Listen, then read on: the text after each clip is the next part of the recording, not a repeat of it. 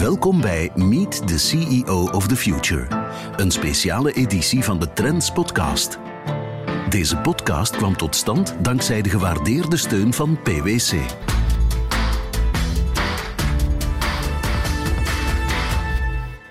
Welkom bij de Trends Podcast. Ik ben Valerie Thijs en in deze podcastreeks Meet the CEO of the Future ga ik op zoek naar hoe de CEO van de toekomst eruit moet zien. Aan de basis voor deze reeks ligt een online enquête dat Trends uitvoerde in samenwerking met PwC. De conclusies toets ik af bij enkele opmerkelijke Belgische bedrijfsleiders die model kunnen staan voor zo'n CEO of the Future. Mijn gast vandaag is Hans de Kuiper. Hij is de CEO van Ageas. In september 2020 volgde hij trendsmanager van het jaar 2016, Bart de Smet, op, als CEO van deze Belgische verzekeringsgroep. Met Ageas zitten we bij een miljardenbedrijf, actief in 14 landen wereldwijd, met meer dan 45.000 werknemers en een Bel-twintiger met een notering op Euronext Brussel. Hans de Kuiper bouwde zijn volledige carrière uit in de financiële en verzekeringssector en was voor Ageas CEO voor de onderneming in België en Maleisië. Bij Ageas wacht hem de uitdaging het strategisch plan van een doorgedreven digitalisering en klantenfocus verder uit te bouwen. Hans de Kuiper is zelf een gepassioneerd sporter en yogabeoefenaar. Benieuwd hoe hij kijkt naar de CEO van de toekomst. Welkom, meneer De Kuiper. Hi, goedemiddag, Valerie. Als u naar uw eigen leiderschapsstijl kijkt, welke evolutie hebt u dan zelf doorgemaakt doorheen de jaren?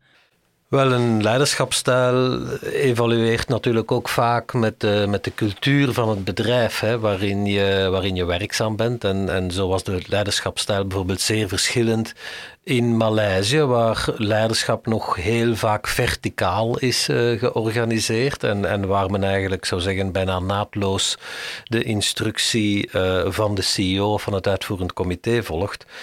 Um, in België eerst bij AG en nu AG, zou ik zeggen, is het een veel inclusievere vorm um, van, uh, van leiderschapstijl. En, en ik zie mijn rol nu eerder, ik zou zeggen, een beetje als de challenger uh, prikkelend te zijn voor de organisatie en de medewerkers om buiten het dagdagelijkse te kijken naar, naar nieuwe opportuniteiten. Maar dat compenseer ik dan ook wel met toegankelijkheid, beschikbaarheid uh, voor de mensen die daar rond een, een gesprek willen. Het geven van heel veel autonomie en dat is ook een groot verschil met bijvoorbeeld de Aziatische markten waar dag tot dag opvolging veel belangrijker is. Hier in Europa werk ik veel meer met autonomie en ervan uitgaande dat elke medewerker met de beste intenties uh, zijn, zijn job uitvoert. En ik focus iets meer op de verbondenheid uh, tussen de medewerkers. U lijkt mij toch een echte ja, moderne CEO. Zijn er nu doorheen de jaren bepaalde dingen die u zich eigen hebt gemaakt en waarvan u zegt, die ga ik zeker de komende tien jaar nog blijven doen? Ja, zeker. Ik ben eigenlijk continu in, in mijn carrière altijd opengestaan om dingen te blijven leren, om te blijven evolueren. Ik heb leiderschap altijd een beetje gezien als een toolbox, een, een werkbak die je continu vult met nieuw materiaal, hè, zodanig dat je in verschillende omstandigheden ook verschillende leiderschapstijlen kan ontwikkelen. Een aantal elementen die ik toch wel als een constante zie, is, is dat lange termijn denken. En dat is vandaag bijzonder belangrijk, want er zijn zoveel korte termijn impulsen die op de organisatie en de medewerker uh, afkomt. Dus ik probeer wat weg te blijven van de hype van het moment hè, en te kijken um, op de lange termijn. Tweede is toch ook, en dat is een evolutie van de laatste jaren, om een volledig stakeholder management te gaan doen. Hè. Een CEO werkt niet alleen meer uh, voor de investeerders, voor de aandeelhouders, hè, maar de medewerkers, de klanten en in ons model bij Ageas de partners zijn even belangrijk. En de voorbije jaren zou ik zeggen, is de gemeenschap in zijn geheel, en dan hebben we het natuurlijk ook snel over ESG, uh, heeft ook een centrale uh, plaats ingenomen in dat, uh, in dat leiderschap. Dus als ik het samenvat, denk ik, wil ik vooral rust en richting geven. Toch ergens een richting uitzetten naar de lange termijn, maar ook de organisatie de rust bieden om nog niet continu afgeleid te worden door, door de hypes van de moment en de focus te houden op de lange termijn doelstellingen. U doet zelf aan yoga. Dat is heel mindful. Um, zijn er nu nog andere dingen waarvan u zegt, die doe ik om een future-proof CEO te zijn? zeer belangrijk als CEO vandaag is, is om toch in uw tijdsbesteding uh, voldoende tijd te laten voor, voor reflectie. Hè. Uh, reflectie op de wijzigingen die er gebeuren in de omgeving van het bedrijf, uh, binnen het bedrijf. Hè. Je hebt nogal snel de neiging om volledig opgeslokt te worden door meetings en presentaties. Hè. Dus ik probeer daar een goede balans in te vinden.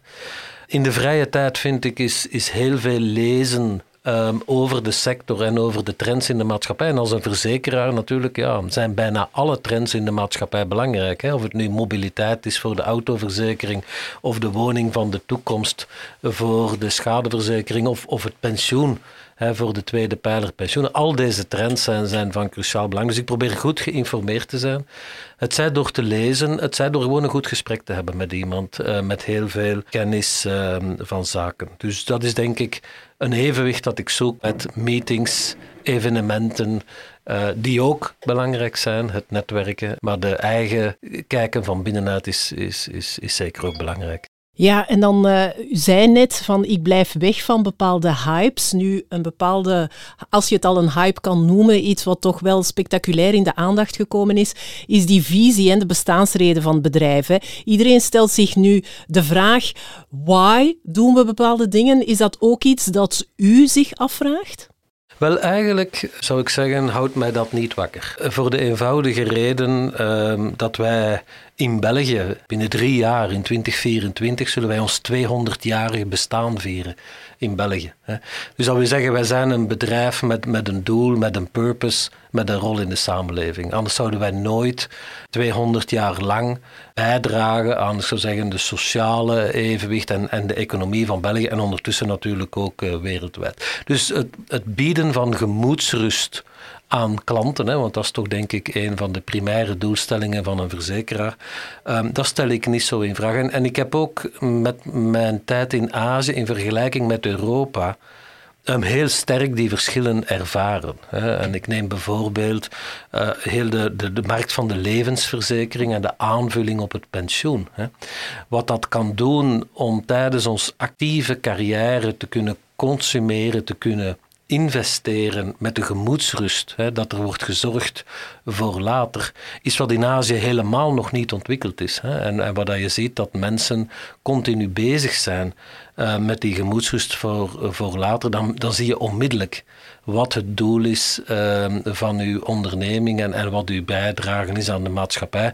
En dan spreek ik nog niet natuurlijk over de overstromingen bijvoorbeeld, hè, die we dit jaar in de maand juli hebben gekend. Uh, ja, dan wordt uw doel natuurlijk wel, uh, wel zeer duidelijk. Ja, daar gaan we het eh, straks over hebben. Nu, als verzekeraar uh, moeten jullie natuurlijk ook wel meegaan met de moderne evoluties, hè, digitalisering, dataverwerking, klantenrelaties. Hoe ziet de toekomst eruit? Zijn er eerst en vooral nog bepaalde domeinen waarop u zich wil focussen? En hoe integreren jullie die nieuwe dingen al momenteel uh, binnen Ageas? Ja, technologie, digitalisering, data, ik zou dat allemaal in dezelfde categorie willen steken, heeft natuurlijk een enorm impact enerzijds op ons businessmodel. Hè. Zoals u heel veel bedrijven ziet, moeten wij ook een digitale aanwezigheid hebben naar onze eindklant. Hè. Maar er is ook de andere kant van het verhaal. Hè. Um, en neem dan bijvoorbeeld de schadeverzekeringen. Door de mogelijkheden van, van technologie, van data en ook van wetenschap zien we dat in heel veel takken de frequentie van een schade kan dalen. En dat is op zich sociaal gezien denk ik een heel positieve evolutie. Het meest extreme geval hiervan kennen we natuurlijk. Dat zou de autonome voertuigen zijn, waar men zegt op het gegeven moment kan die schadefrequentie zelfs naar nul gaan. Maar je kan dezelfde redenering maken natuurlijk voor de geconnecteerde woning, of ik kan dezelfde redenering maken eh, voor uw gezondheid, de gezondheid die in uw horloge, in uw pols eh, voor een groot stuk wordt gemonitord. Allemaal zeer positieve evoluties, maar die natuurlijk een stukje de kern van onze business in de schadeverzekering ondermijnt. Maar we blijven altijd op dat vlak zeer positief, want dat geeft weer nieuwe opportuniteiten. En dan denk ik aan opportuniteiten op het vlak van preventie, hè, want die data, die technologie geeft signalen, maar dan moet daar natuurlijk nog altijd wel iets mee gedaan worden met die signalen. Hè, dus preventie of bijvoorbeeld bijstand. Hè. En wij hebben dat uh, gedefinieerd als prevent, prepare, protect en assist. Dus wij zien eigenlijk onze verschillende verzekeringsproducten meer en meer evolueren naar een ecosysteem. De autoverzekering naar het ecosysteem van de mobiliteit, de brandverzekering naar alles wat er mogelijk is uh, rond de woning. En hetzelfde geldt voor gezondheid, maar ook voor pensioenen bijvoorbeeld. Ja, en, en hoe zit het dan met klantenrelaties? Want uh, zoals ik me dat herinner als kind, um, was het heel belangrijk dat mijn ouders een contact hadden met de verzekeraar. Dat was een, een, een geprivilegeerde band. Hoe gaan jullie dan om met nieuwe manieren van werken naar jullie klanten toe? Want ja, alles is digitaal geworden. Wordt daar speciale aandacht aan besteed? Uh, Jazeker. Wij werken eigenlijk over de ganse wereld uh, overwegend met nog altijd wat wij noemen fysieke distributie. Uh, in België is dat natuurlijk de onafhankelijke makelaar als ook de bankkantoren. In Azië is dat heel vaak bankkantoren en verbonden agenten. Hè. Maar het gaat altijd over, ik zou zeggen, fysiek intermediair, een fysieke relatie. Uiteraard gaan die tussenpersonen ook de mogelijkheden van technologie en van digitalisering omarmen. Hè, en dus bepaalde vormen van interactie met hun klant kan beter digitaal. Maar we merken toch dat het persoonlijk advies en de nabijheid en de vertrouwensrelatie uh, van de tussenpersoon uh, nog altijd zeer belangrijk blijft. Hè. En misschien hadden heel veel mensen verwacht dat met de lockdown in COVID, hè, dat dat de doorbraak zou zijn van het digitaal verzekeren. Eerlijk gezegd, dat is niet wat wij zien vandaag. Hè. Wij zien dat makelaars en zo verder digitale mogelijkheden sneller hebben opgenomen, dat klanten die digitale mogelijkheden ook sneller gaan beginnen gebruiken, maar zij vervangen niet de rol uh, van de makelaar of de rol van het bankkantoor. Uh, zij zijn uh, complementair. Wij noemen dat intern een digital approach, hè, dus de kracht van de fysieke nabijheid combineren met de mogelijkheden van de digitalisering. Ja, nu de wereld staat voor een aantal uitdagingen. Klimaat is er eentje van, niet onbelangrijk. Hè. Voor jullie als verzekeraar, um, we hebben de afgelopen zomer toch wel die overstromingen gehad in Wallonië. Kunnen jullie nu als verzekeraar bijdragen tot een herstel van de economie? Want daar zijn toch bijzonder veel mensen getroffen. Ja, wel, dat was zeker niet onze eerste prioriteit. Onze eerste prioriteit uh, ging rechtstreeks naar de slachtoffers. Hè, en ik denk dat dat het allerbelangrijkste was. Onze eerste zorg ging, hoe kunnen wij ervoor zorgen dat deze slachtoffers een dak boven hun hoofd hebben? En dan gaat het vaak over zeer elementaire dingen. En dat werd dan snel gevolgd door de tweede bekommernis. Hoe kunnen we ervoor zorgen dat er een regeling komt uh, dat die slachtoffers voor volledige kosten worden vergoed? Er is, bij zulke grote evenementen is er een tussenkomst van de verzekeringssector, maar is er ook een tussenkomst van de, de overheid. En dat heeft wel wat gesprekken gevraagd. Uh, maar we hebben daar altijd in ons achterhoofd gehouden. We moeten ervoor zorgen dat de slachtoffers volledig kunnen worden vergoed. Ik denk dat die situatie onder controle is op dit moment. Iedereen heeft een dak uh, boven zijn hoofd en natuurlijk uh, zijn de herstellingen uh, volop aan de gang. En dan komt inderdaad in de tweede fase het bredere kader. Hè. Wat kunnen wij op, op sociaal en economisch vlak bijdragen? En, en, enkele voorbeelden bijvoorbeeld. Wij zijn toch een, een vrij zware investeerder en ook ontwikkelaar van sociale woningen. Hè. Een van de thema's die wij momenteel actueel voeren met de regionale overheden.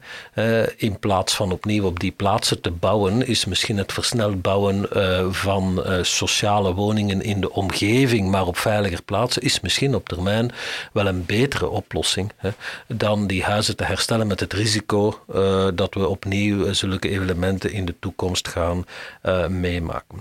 Hetzelfde geldt voor infrastructuur. Hè. in België hebben wij ondertussen een, een, een van bijna 3 miljard in infrastructuur.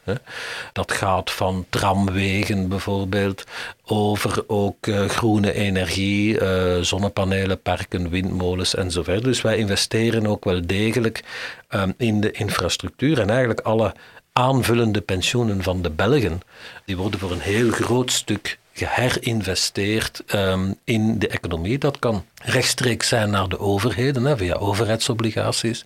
Dat gaat ook naar bedrijven, maar zoals ik zeg, meer en meer ook naar infrastructuur, uh, investeringen en andere. Dus ja, wij zijn denk ik een bijzonder belangrijke schakel in het lange termijn sparen van de Belgen en dat geld te recycleren in de economie. Een ander zeer mooi voorbeeld, denk ik, waar wij fier op zijn, is scholen van morgen. Hè. We hebben in Vlaanderen uh, sinds 2013 ongeveer een 200 scholen uh, gerenoveerd of, uh, of bijgebouwd. Ja. Het is wel heel fijn om te horen dat jullie ook ons geld gebruiken dan, hè, bij wijze van spreken. En dat wij eigenlijk ook onrechtstreeks uh, dus betrokken zijn eh, bij die herstellingen en, en toch ervoor zorgen dat mensen het iets beter hebben nadat ze iets zijn tegengekomen. Nu, als ik kijk naar u als CEO, Bent u dan zelf ook begaan met klimaat, bijvoorbeeld binnen AGEAS? Wordt daar aandacht aan gegeven? Ja, wel op, op verschillende vlakken. Hè. Wij hebben eigenlijk uh, een driejarige strategische cyclus en, en wij lanceren nu de volgende cyclus. Hè. Wij sluiten Connect 21 af en de volgende cyclus heet Impact 24. En in Impact 24 hebben wij heel duidelijk gezegd: uh, we put sustainability at the heart of everything we do. En we hebben heel sterke commitments genomen naar onszelf als organisatie. Maar uiteraard, onze CO2-footprint is redelijk laag. Wij zijn geen industrieel bedrijf, wij zijn een dienstenbedrijf. Dus onze grootste eh, CO2-footprint, dat is het pendelen van onze medewerkers enerzijds. En natuurlijk de, de, de kost van datacenters en, en IT-infrastructuur ehm, anderzijds. Maar wij kunnen een bijzonder belangrijke rol spelen in anderen te stimuleren in de transitie. En daar nemen wij, uh, denk ik, zeer sterke commitments. En dat zijn er twee. Eén, we hebben een investeringsportefeuille in België van om en bij de 60 miljard. En daar hebben wij het engagement genomen dat al die investeringen die wij doen, dat die zullen onderworpen worden aan een ESG-toets, aan een sustainability-toets, alvorens dat wij beslissen om die investering te maken. En we gaan ervan uit dat we zelfs uh, binnen drie jaar 10 miljard van deze investeringen rechtstreeks in ESG-projecten zijn. En dan heb ik het over zonnepanelen, uh, publiek transport, ecologisch publiek transport, sociale woningen uh, enzovoort. Dus dat is het eerste luik. Hè. Wij kunnen bedrijven stimuleren om een transitie te gaan maken, om onze fondsen beroep te kunnen doen. En we hebben eenzelfde model ontwikkeld voor onze klanten. Ja, we hebben het commitment genomen dat ons wereldwijd incasso tegen 2024, dat minstens 25% daarvan incentives heeft, stimulansen heeft voor de klant om zijn eigen bijdrage gaan maken aan ESG. En, en, en ESG, dus ook de S, laat ons dat niet vergeten, die is ook belangrijk. Uh, voorbeelden bijvoorbeeld, uh, kan ik korting geven als ik minder mijn wagen gebruik? Uh, kan ik bepaalde voordelen geven in de brandverzekering als ik mijn woning meer energie-efficiënt maak? Of bijvoorbeeld een bedrijf dat vandaag zijn pensioenen toewijst aan AG om die te beheren die heeft ook toegang tot onze programma's voor reïntegratie van, van burn-out. We moeten dat niet onderschatten. Sinds dat we dat gelanceerd hebben, drie jaar geleden, hebben wij ongeveer al een 4000 medewerkers van klantenbedrijven begeleid om uh, over hun uh, burn-out te geraken en, en terug uh, aan de slag te kunnen gaan. Wat dat goed is uiteraard voor het bedrijf, maar zeker ook goed is voor de persoon um, in kwestie. En wij nemen dus een engagement dat we dit verder gaan zetten in eigenlijk al onze producten. En als we dan naar de toekomst kijken, zijn er bepaalde stappen, bijvoorbeeld technologische stappen of digitaliseringsstappen, die u nog wil maken in de komende tien jaar? Of moet maken? Ja, wel, ja, digitalisering is iets dat, dat continu gaat blijven toenemen. Het gaat onze klantenervaring gemakkelijker maken. Ik zeg altijd van wij verkopen gemoedsrust, maar dan, moet, dan begint dat toch met het feit dat de klantenervaring zelf ook uh, in alle rust kan gebeuren op de manier zoals hij dat wenst. Hè. Um, en sommige van deze interacties uh, gaan inderdaad meer en meer met de smartphone gebeuren. Um, dan denk ik bijvoorbeeld aan, aan, een schadeaangifte van, van medische kosten. Um, bijvoorbeeld. Dus dat is één luik waar uh, digitalisering zich verder gaat zetten. Maar zoals ik reeds zei, complementair aan de nabijheid van advies, wat dat in ons métier bijzonder uh, belangrijk blijft. Twee, gaat technologie helpen, uh, zoals ik gezegd heb, om, om schade te vermijden. Hè. En u zal zeggen, ja, dat bent u misschien als verzekeraar tegen, hè, want dan uh, gaat dat ongetwijfeld de premies uh, verlagen. Wel nee, kijk, we hebben daar ook een sociale gedachte. In de klantenrelatie die we hebben, kunnen wij dan bijkomende diensten aanbieden en ontwikkelen ehm, voor onze klanten. Hè. Want denk ik, een van de belangrijkste vragen van onze klanten is om zorgend te werken. Het schaarste goed dat hij vandaag heeft is tijd. Hè? En dus we gaan nog altijd veel liever hem bijstaan om een schade te vermijden dan om een schade goed te regelen. Laten we dan eens eventjes kijken. En ik denk dat onze luisteraars dat eigenlijk ook wel willen weten. Hè? U haalde het al heel even kort aan. Um, uw tijd in Azië. U heeft in Azië, meer bepaald in Maleisië, ook als CEO een verzekeraar uh, geleid. Nu, Aziatische landen, meer bepaald China zijn niet echt gekend als heel duurzame landen met duurzame bedrijven.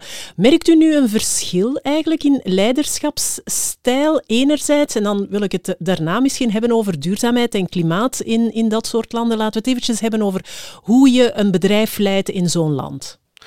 Wel, een van de belangrijkste redenen uh, dat wij negen landen in Azië vandaag bedienen, is eigenlijk het, het brengen van de verzekeringsexpertise, hè, die in België gedurende 200 jaar is opgebouwd, naar die landen die nog landen in volle ontwikkeling zijn op het vlak uh, van verzekeringen.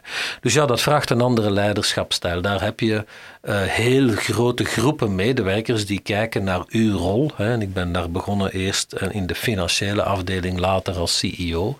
Maar ze kijken natuurlijk op naar jou uh, voor expertise, voor ervaring om hun markt uh, te gaan ontwikkelen. Dus ik heb daar denk ik ook veel meer, ik zou zeggen zelf de pen in de hand genomen om bepaalde processen uit te schrijven, uit te tekenen, bepaalde modellen uh, toe te lichten. Heel veel tijd gestoken in, in opleiding, in begeleiding van, van mensen.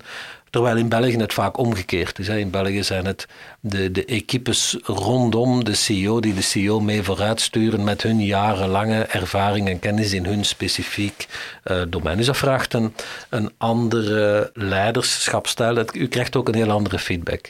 Het is, het is bijzonder aangenaam om te zien hoe dat je effectief dan in die landen de business ziet ontwikkelen en de enorme appreciatie en leergierigheid dat die mensen hebben in, in die landen waar hun, hun bedrijf en hun sector in, in, in volle ontwikkeling is. En als u dan kijkt naar duurzaamheid en klimaat, wordt daar op dezelfde manier gereageerd? En dan eh, laten we de ESG in, in het algemeen nemen, hè, ook aandacht voor mensen en sociaal. Wordt daar op dezelfde manier naar gekeken dan bij ons? Het, een eerste grote misverstand dat er volgens mij bestaat, is dat uh, het thema van ESG eigenlijk alleen maar op de Europese agenda staat. Dat is zeker niet zo. Het is wel zo, en ik zie daar ook, dat is volgens mij ook een hele belangrijke rol van Europa, dat wij toch wel kennis hebben om standaarden en normen te gaan opzetten om effectief een impact te gaan hebben. Enerzijds in Europa, maar het zal nog veel belangrijker zijn om dat impact wereldwijd uh, te hebben. Want als u naar de CO2 uh, uitstoot per continent kijkt, uh, ja, dan kunnen wij als Europa iets bijdragen. Uh, maar laat ons eerlijk zijn, dat is, dat is een druppel op een hete plaat als je dat bekijkt op wereldvlak. Hè. maar dat neemt niet weg dat, um, dat er in Azië niets gebeurt. Hè. Ik heb in Azië aan de lijve meegemaakt ehm, hoe ik twee keer met enkele jaren tussen een van de bijkantoren in China, in een Chinese stad, ehm, heb bezocht. Ehm, de eerste keer dat ik daar naartoe ging, reed ik quasi door een woestijn, hè, omdat eigenlijk al het hout was gekapt en, en zandstormen waren daar op dat moment een zeer actueel probleem. Uh, de tweede keer dat ik daar ging, en dat was niet zo heel veel later, was daar over een strook, ik denk van bijna 100 kilometer bos geplant. Hè. Uh, dus u moet echt niet onderschatten dat deze landen effectief bezig zijn met ESG. Maar anderzijds is het ook zo dat de bevolkingen in deze landen uh, uit armoede komen. Hè. En er is nog nooit in de geschiedenis, denk ik, uh, zulke grote bevolkingsgroepen die overgegaan zijn van armoede naar middelklas. Ook dat is ESG. Hè. En zoals je vandaag um, in Europa heel vaak het debat hoort tussen ESG en anderzijds de transitie die wij moeten maken. Hè. En, en, en, je hoort dat elke dag in het nieuws. Hoe maken we de transitie? Wel, de, de problematiek van transitie speelt ook in Azië. Hè. Maar misschien op een ander domein. Hoe kan ik de transitie maken met mijn bevolkingsgroepen? Hoe kan ik verder werken om hen middelklas te laten worden, maar ook op een steeds uh, groenere manier. Hè.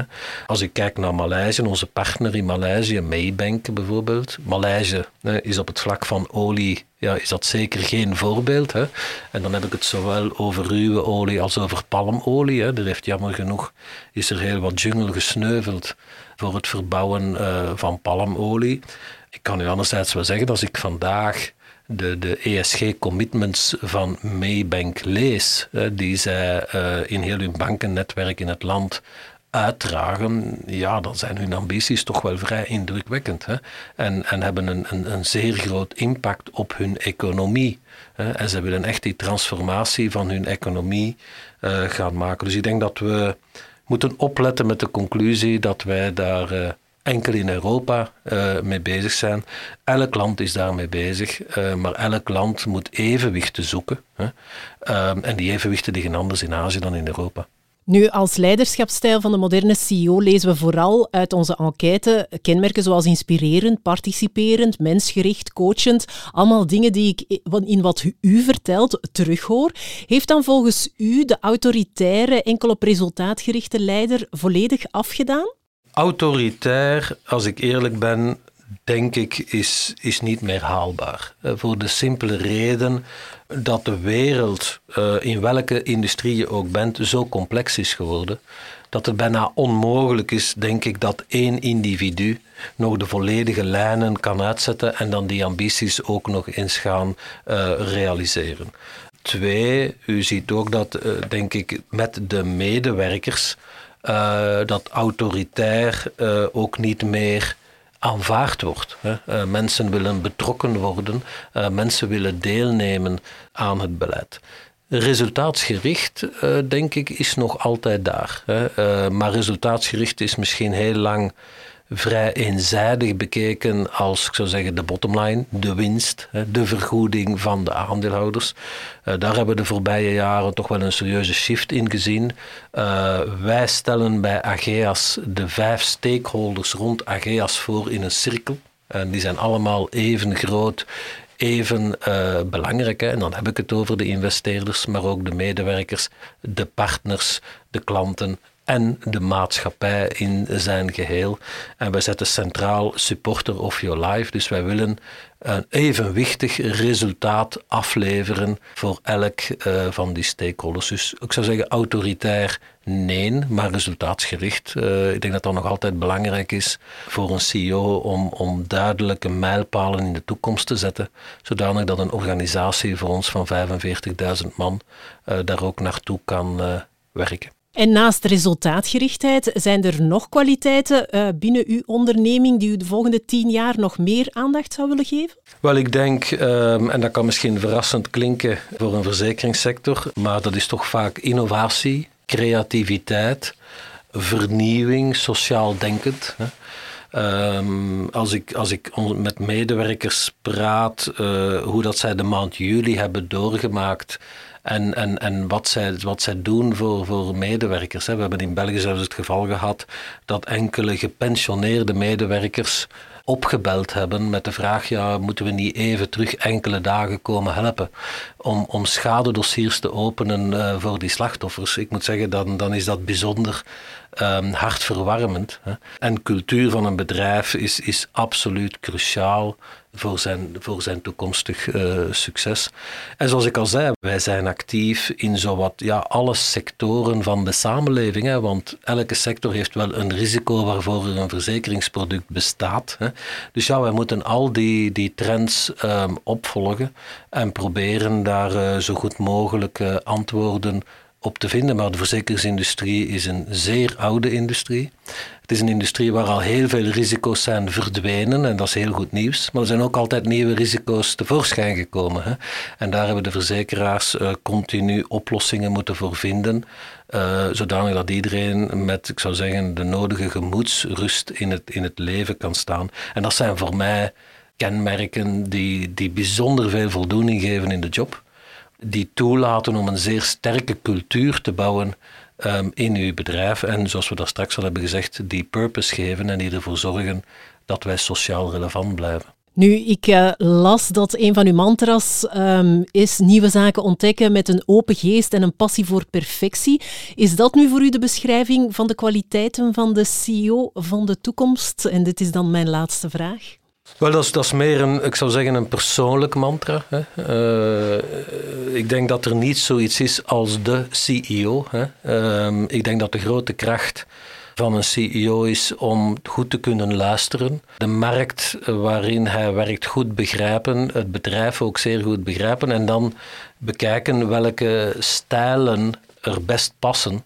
Um, om dat bedrijf en zijn medewerkers succesvol te laten zijn in die markt. Hè. En, en zoals ik al straks heb uitgelegd met het verschil Azië-Europa, in elke markt uh, ligt dat wel wat anders persoonlijk, en dan, dan is dat de vraag die je soms morgen stelt van ja, wat geeft mij nu vandaag precies energie? Hè?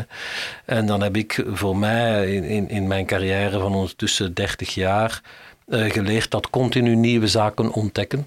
Dat kan leren, studeren of gewoon ontdekken zijn. Uh, dat dat mij bijzonder veel energie geeft, zowel professioneel trouwens als in, in de privésfeer. Uh, twee, en, en, een open geest hebben. En dat is iets waar bijvoorbeeld een, een werk in het buitenland, en in mijn geval in een heel ander continent, zeer veel kan toe bijdragen. Hè. Um, ik heb geleerd dat als je heel lang in een bepaalde markt ga je toch heel veel dingen als automatisch beschouwen. En het is pas als je vaak eens naar een andere markt gaat dat je zegt, ah, ja, hier zijn andere, betere oplossingen voor dat probleem. Hè, uh, waar ik in mijn eigen markt of in mijn, in, in mijn eigen omgeving uh, nooit zou aan gedacht hebben. En dan het laatste is inderdaad passie. Hè voor perfectie, maar de twee woorden kunnen eigenlijk even goed op zich staan. Um, in alles wat ik doe, ga ik altijd naar best vermogen uh, proberen bij de beste te zijn. En dat lukt zeker niet altijd. Uh, maar ik blijf ook continu uh, mezelf in vraag stellen. Uh, hadden we niet nog een, een, een beter resultaat kunnen bereiken als ik misschien een andere benadering had gehad? En dat hangt dan natuurlijk weer samen met dat leren. Dus ik zou zeggen, het is eerder een, een persoonlijk uh, mantra. En dat is de reden waarvoor ik uh, elke morgen met heel veel plezier aan mijn job begin. Mag ik u hartelijk bedanken, uh, meneer De Kuiper, voor uw aanwezigheid hier vandaag in onze studio. Dank u wel, graag gedaan.